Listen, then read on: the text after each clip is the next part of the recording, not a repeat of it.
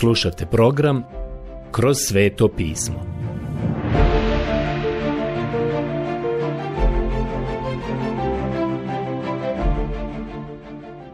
Knjiga Poslanica Filipljanima. Odlomak Poslanica Filipljanima. Uvod i poglavlje 1, prvi stih. Prijatelji, danas dolazimo do još jedne od takozvanih zatvorskih poslanica. Poslanica Filipljanima je napisana u isto vrijeme kada i poslanica Efežanima. I to je bila jedna od četiri poslanice koje smo spomenuli, a koje se nazivaju zatvorske poslanice. Taj naziv su dobile jer ih je apostol Pavle napisao dok je bio u zatvoru u Rimu. Obradili smo poslanicu Efežanima, a sada ćemo obraditi poslanicu Filipljanima. Nakon toga sljedeća će biti poslanica Kološanima i onda će malo kasnije doći i kratka poslanica Filemonu. Ova poslanica koju je Pavle napisao i uputio Filipljanima jedna je od najljepših poslanica koje je ikad napisao. To je veoma lijepa poslanica. Ona uopšte ne sadrži oštre kritike upućene crkvi u Filipima i sve izgleda da je sve bilo sasvim u redu. Pavle je bio vrlo blizak sa tim ljudima. Sudeći po poslanicama, Čini mi se da je Pavle bio bliži crkvi u Filipima nego bilo kojoj drugoj crkvi koju je osnovao. I čini se da su i njega ti ljudi u Filipima voljeli više nego što ga je voljela bilo koja druga crkva. I kao rezultat toga, ova je poslanica zaista posebna. Pavle je otišao u Filipe na svoje drugo misionarsko putovanje. Zapravo, bio je na svom drugom misionarskom putovanju. Sjetit ćete se da su on i Barnaba imali razdor zbog različitog mišljenja o Ivanu Marku. Naravno, Pavle je kasnije promijenio svoje mišljenje o Ivanu Marku i kasnije je mogao reći za njega Povedite Ivana Marka sa sobom, on mi je koristan za službu. Ali u to vrijeme nije namiravao povesti Ivana Marka sa sobom na svoje drugo misionarsko putovanje, jer kao što se vjerovatno sjećate, on ga je iznevjerio i ostavio kada su se suočili sa poteškoćama u Maloj Aziji. Ovdje sada vidimo da je Pavle krenuo tamo i sa sobom je poveo silu, a Barnaba je sa sobom poveo Ivana Marka. Pavle je zatim obišao Galaciju i posjetio je crkve koje je osnovao i utemeljio na svom prvom misionarskom putovanju. Zatim je, prema zapisu doktora Luke, pokušao sići u Aziju, a tamošnji glavni grad je bio Efez. Međutim, bilo mu je zabranjeno otići tamo. Rečeno nam je da im je duh sveti zabranio propovijedati riječ u Aziji. U to vrijeme vrata su mu bila zatvorena i nije mogao ići na jug. Dakle, prirodno je mislio da treba ići na sjever, pa je pokušao otići u Bitiniju koja se nalazila duž južne obale Crnog mora. Tamošnje stanovništvo je bilo veoma brojno i velika hebrejska populacija se nalazila u tom području, jer je bilo mnogo njihovih kolonija u području koje danas nazivamo modernom Turskom. Ali u to vrijeme ova oblast se zvala Bitinija. Bilo je to sjajno odmaralište. Ta oblast je imala divnu klimu. Iskreno govoreći, bila je to klima koju ljeti nije bilo moguće nadmašiti. Sada nam je opet rečeno da je Pavle pokušao otići tamo, ali im duh nije dopustio. Ovo piše u dijelima apostolskim u 16. poglavlju u 7. stihu, a naš prevod glasi ovako. Ali im ne dopusti Isusov duh. Tako je opet na sjeveru postavljena blokada ceste. Tako apostol Pavle nije mogao ići na jug, a nije mogao ići ni na sjever. A došao je s istoka. Dakle, Postoji samo jedan smjer u kojem se mogao kretati. Duh Sveti je govorio apostolu Pavlu i Sili da idu na zapad. To je jedini smjer koji im je preostao. I tako su njih dvojica krenuli na zapad i došli su do Troade, a tamo su čekali dalje zapovjedi. Ja sam siguran da ste bili u to vrijeme u Troadi i da ste tada sreli Pavla, da bi mu tada rekli, brate Pavle, pa šta radiš ovdje? a on bi vam odgovorio. Ja sam na svom drugom misionarskom putovanju. Vjerovatno biste ga onda upitali, kuda ideš? A on bi vam odgovorio, ne znam. Budući da smo vi i ja tvrdoglavi konzervativci, da smo oni koji čitaju Bibliju i vjeruju u Bibliju. I obzirom na činjenicu da smo mi sada skoro 20 vijekova udaljeni od tog vremena. I imamo sve podatke o onome što je uslijedilo poslije, rekli bismo zašto brate Pavle govoriš da si veliki apostol pogana, a zapravo ne znaš kuda ideš? Ja mislim da bi mi on rekao, da, u pravu si, ne znam kuda idem. I bili bismo zapanjeni jer mi danas toliko govorimo o gospodnjem vodstvu. Postajem pomalo umoran kada čujem neke ljude kako govore o gospodnjem vodstvu. Oni dođu na ugao ulice i tamo je jedna shopping zona sa lijeve, i druga shopping zona sa desne strane. A način na koji oni govore o tome, odnosno način na koji ja to čujem, ide otprilike ovako. Došao sam do ugla, nisam znao u koju shopping zonu da idem. I onda me je gospod poveo u jednom određenom pravcu. Ne znam, ja nemam takvo vodstvo. A neki od njih mogu otići i dalje od toga. Oni vam mogu reći, Molio sam se zato i dva dana kasnije otišao sam do tog ugla ulice i tada sam tačno znao gdje trebam skrenuti i kuda trebam ići. Tada sam skrenuo nadesno jer sam osjećao da me gospod tamo vodi. Mogu vam opet reći da me to uznemiruje jer ja nikada nisam imao vodstvo takve vrste.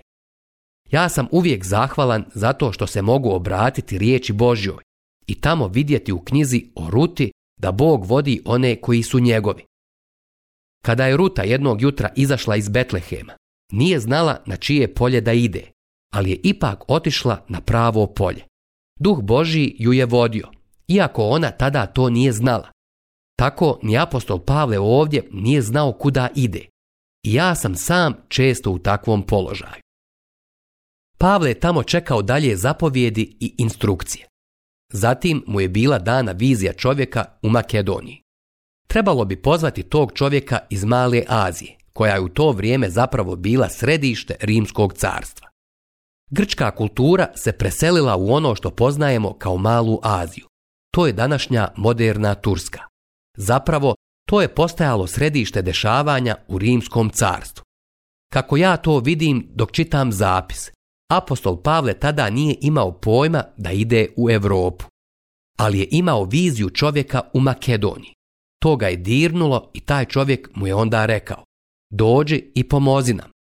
Pavle je tada prešao u Makedoniju, u Europu. Sjetit ćete se da kada je došao u Europu, prvo je otišao u Filipe i tamo je služio. Ja sam uvijek bio zahvalan Bogu što je poslao Pavla u Europu u to vrijeme, jer su moji preci bili podijeljeni. Dvije porodice na dva različita mjesta. Jedna porodica je došla iz Njemačke i vjerovatno su ti moji preci u to vrijeme živjeli u šumama, polugoli i jeli sirovo meso. Bili su zaista divljaci, bili su pagani. Zapravo bili su pravi pagani. Druga porodica je bila u Škotskoj i to je porodica moga oca. Oni su bili tamo i ukoliko odete u Englesku, primijetit ćete da je Hadrian tamo izgradio zid preko Engleske. Da li znate zašto je sagradio taj zid? Trebalo je zadržati te sirove, prljave pagane, proste škotske divljake izvan rimskog carstva. Nisu ih željeli. Možete li zamisliti kako je bilo u to vrijeme? Dakle, tamo su bile dvije porodice. Uvijek sam bio zahvalan što je Bog poslao Pavla u Europu, a ne u Kinu jer kasnije je tamo neko došao do mojih predaka sa evanđeljem. Prethodno je Pavle krenuo u tom smjeru, došao u Europu i prenio im evanđelje. Riječ Božja im je došla. Bio sam zahvalan za taj Pavlov prelazak u Europu. Tako je Pavle došao u Filipe. Tamo je bila nekakva plaža. Tu je započeo svoju službu. Kada je Pavle prešao u Filipe, ja mislim da je tada zapravo na neki način doživio prilično veliko razočarenje. Saznao je da je taj muškarac iz Makedonije zapravo žena po imenu Lidija. Ona je došla iz Tijatire i bila je prodavačica grimizne odjeće. Očigledno je bila poslovna žena, a otvorila je ogranak svog biznisa tamo u Filipima. Održavala je molitvene sastanke pored rijeke. Ne znam koliko su ti molitveni sastanci imali veze sa Božijim duhom koji je poslao Pavla u Europi, ali siguran sam da je imalo veze. Bila je prva obraćenica. Zatim znamo da je tamo u Filipima bio i tamničar. On je vjerovatno bio brutalan tip, jer inače ne bi imao taj posao. On je došao, odnosno bolje je reći da je bio doveden do Krista. I on i njegova porodica. Naravno bilo je i mnogo drugih koji su došli do spasonosne spoznaje Krista. Ta crkva u Filipima je bila poznata i veoma bliska Pavlu. Oni su ga pratili tokom svih njegovih misionarskih putovanja. Zanimali su se za njega, voljeli su ga, a i Pavle je volio njih. Toj crkvi je Pavle rekao, zahvaljujem Bogu svojemu kad se god spomenem vas. Poslanica Filipljanima 1.3 On to nije rekao Korinčanima, niti je to rekao Galačanima, ali to je rekao Filipljanima. Zahvaljujem svom Bogu za vas, jer svaki put kada me neko podsjeti na vas, ja se samo zahvaljujem Bogu za vas. Tamo su bili divni ljudi i Pavli ih je volio, a i oni su voljeli Pavla. Oni su izgubili iz vida apostola Pavla nakon što je bio uhapšen u Jerusalemu i dvije godine nisu znali što mu se dogodilo a onda im je dojavljeno da je Pavle u zatvoru u Rimu. Kažem vam, njihova srca su bila uz njega.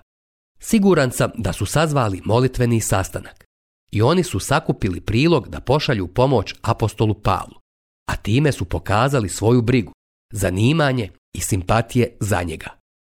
Kao glasnika su poslali Epafrodita, svoga pastira, i on je došao i donio njihov dar i poruku. Pavle je napisao ovu poslanicu kao neku vrstu zahvalnice.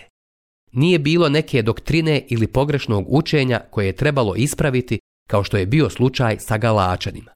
I nije bilo bilo kakvog lošeg i neprimjerenog ponašanja koje je treba ispraviti kao što je učinio sa Korinčanima.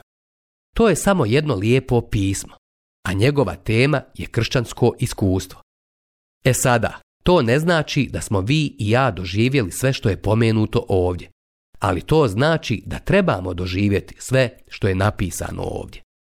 Ja sam siguran da kada je Epafrodit stigao, da ga je Pavle upitao kako stoje stvari u crkvi u Filipima. A Epafrodit mu je odgovorio, znaš da im ide dobro. Pavle je vjerovatno nastavio riječima, nemate nikakvih problema. Pa, rekao je Epafrodit, imali smo jedan manji problem. I sigurno je bilo malih problema, u crkvi su bile dvije žene koje nisu razgovarale jedna sa drugom. Imali su mali problem. Pavle to nije pominjao sve dok nije došao pred kraj svoga pisma, do četvrtog poglavlja. I tamo on kaže sljedeće. Evodiju zaklinjem i Sintihu pozivam da jedno misle u gospodinu. Poslanica Filipljanima 4.2 Dakle, njih dvije nisu bile istog mišljenja. Imale su nekih problema, nekih poteškoća. Često sam se pitao šta je to bilo. Jednog starog škotskog starješinu su jedne večeri pozvali da pročita četvrto poglavlje poslanice Filipljanima. On je bio neobrazovan čovjek. Njegov izgovor je bio užasan od ovog stiha, ali kažem vam, njegova interpretacija je bila odlična. Prijatelj, kada u crkvi imate dvije takve osobe, onda, kao što vjerovatno već i sami znate, one se sudaraju i tada nastaju varnice i iskre. Očigledno se to i ovdje dogodilo. Čini se da u ovom slučaju i nije bilo tako ozbiljno. Pavle je napisao da ih samo moli da budu jednog mišljenja u gospodu. Očigledno je tu bilo jedino što je pomenuto u kontekstu njihovog konflikta. Kasnije, u istom poglavlju, Pavle im se zahvaljuje na njihovom daru. Ali ono o čemu on piše je kršćansko iskustvo. Ovdje imamo sljedeće. U prvom poglavlju imamo filozofiju kršćanskog iskustva, ili možda je bolje reći kršćanskog življenja. To mi se više sviđa. Dakle, imamo filozofiju kršćanskog življenja. Zatim, u drugom poglavlju imamo obrazac za kršćanski život. U trećem poglavlju imamo nagradu za kršćanski život. A u četvrtom poglavlju imamo snagu za kršćanski život. Tako da sada pred sobom imamo jednu prekrasnu poslanicu. I to je jedna od Pavlovih zatvorskih poslanica koju je Epafrodit donio u crkvu u Filipima. Prvo poglavlje. Ja želim da danas samo zakoračimo i uđemo kroz vrata. Kao što smo već pomenuli, u prvom poglavlju imamo filozofiju kršćanskog života. Podjela ovog poglavlja bi izgledala ovako. Pod A. U prva dva stiha imamo uvod u poslanicu, pa zatim imamo pod B od 3. do 11. stiha Pavlove nježne osjećaje prema Filipljanima. Ne postoji ništa slično. Mogli smo vidjeti da Pavle ima stvarnu brigu i ljubav prema drugim crkvama, ali ništa nije slično ovome. Zatim imamo pod C. Od 12. do 20. stiha govori se o okovima i nevoljama zbog evanđelja. Na kraju imamo pod D od 21. do 30. stiha govori se o životu i smrti. Ovo je divna poslanica. U poslanici Filipljanima nismo više gore na nebesima kao što smo bili u poslanici Efežanima. U ovoj poslanici ćemo se spustiti na prizemnije svakodnevne stvari. Poslanica započinje ovdje dole na zemlji, baveći se onim gdje danas živimo. Ovo je dobro za vaše i moje susjedstvo, za vašu crkvu i za moju crkvu. Dozvolite mi da sada krenemo u proučavanje, jer je ovo zapravo jedna vrlo divna poslanica i želimo provesti neko vrijeme u ovoj poslanici kako bismo dobili nešto od njene slatkoće. Pavle počinje poslanicu sljedećim riječima. Pavao i Timotej, sluge Isusa Krista, svima svetima u Kristu Isusu koji su u Filipima s predstojnicima i džakonima. Poslanica Filipljanima 1.1. Ovo je baš divno. Vidimo zajedno Pavla i Timoteja. Moram vam ponovo skrenuti pažnju na to. Pavle vodi ovog mladog propovjednika, vodi ga sa sobom, drži ga u sebe, ohrabruje ga. Pavle je volio ovog mladića. Bio je njegov sin u gospodu, tako ga on naziva. I bio je veoma brižan i zainteresovan za njega. Ja dobivam pisma od bivših studenata i od mnogih drugih ljudi koji su tokom moje službe tokom godina upoznali Krista tamo gdje sam bio i obavljao pastorsku službu. Volio bih da znate koliko to meni danas znači. Vrlo iskreno vam kažem, ja se jednostavno osjećam kao da su sve to moja djeca. Danas imam puno djece razasute po ovom svijetu i volim ih u gospodu. Dođe mi da kažem, Pavle i Timotej, Vernon McGee i sva njegova djeca. Želim ih sve spomenuti. I mislim da je bio izvanredan gest to što je apostol Pavle stavio, odnosno spomenuo ovog mladog propovjednika odmah pored sebe. Pavlovo ime se pominjalo kroz vijekove i gdje god da se čulo o Pavlu, čulo se i o Timoteju. Pavle se pobrinuo za to. Kako je to divno. Pavle sebe i Timoteja naziva slugama Isusa Krista. Sjećate se da Pavle u poslanici Galačanima kaže Pavle apostol. On počiva na svom apostolstvu i brani ga. I naći ćete ga kako to radi uvijek i iznova. On to čini s korinčanima. Ali ovdje je volio ove Filipljane. Nije se morao braniti jer su ga voljeli i znali su da je apostol. On ih je sve doveo do gospoda. Pavao i Timotej, sluge Isusa Krista. Pavle ovdje zauzima ovo skromno mjesto, mjesto koje mu je pripadalo. I on kaže, svima svetima. On ne piše ni jednoj maloj grupi u crkvi u Filipima.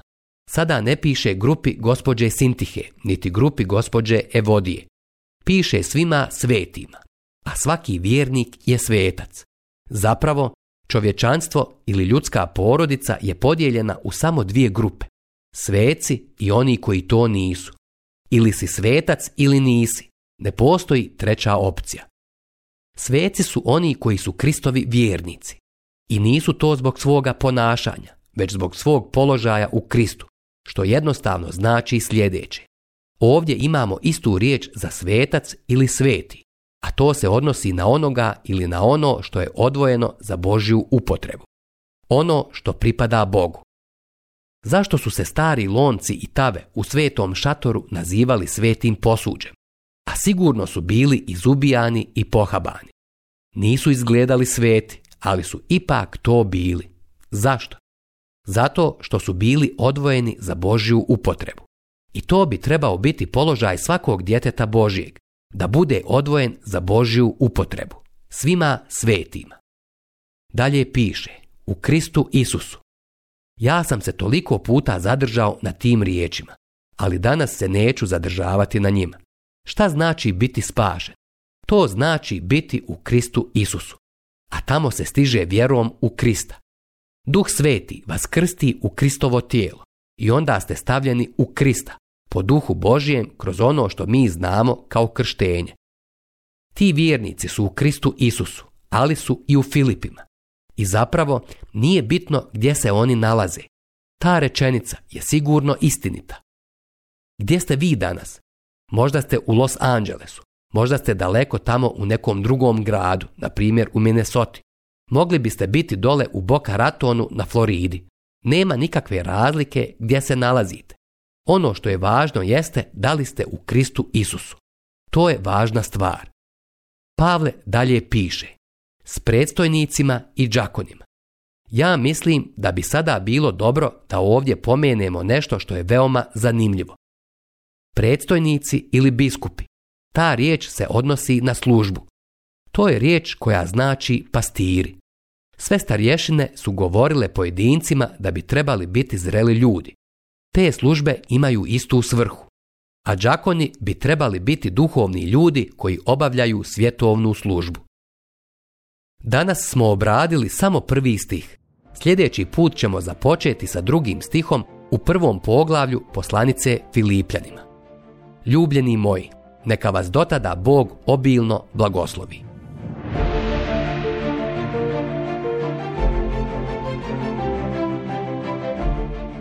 Slušali ste emisiju Kroz sveto pismo. Možete nas slušati i na našem YouTube kanalu putem mobilne aplikacije – te na svim glavnim podcast platformama kao što su Google, Apple i Spotify. Ako vam se naši programi dopadaju, preporučite ih i podijelite s drugima.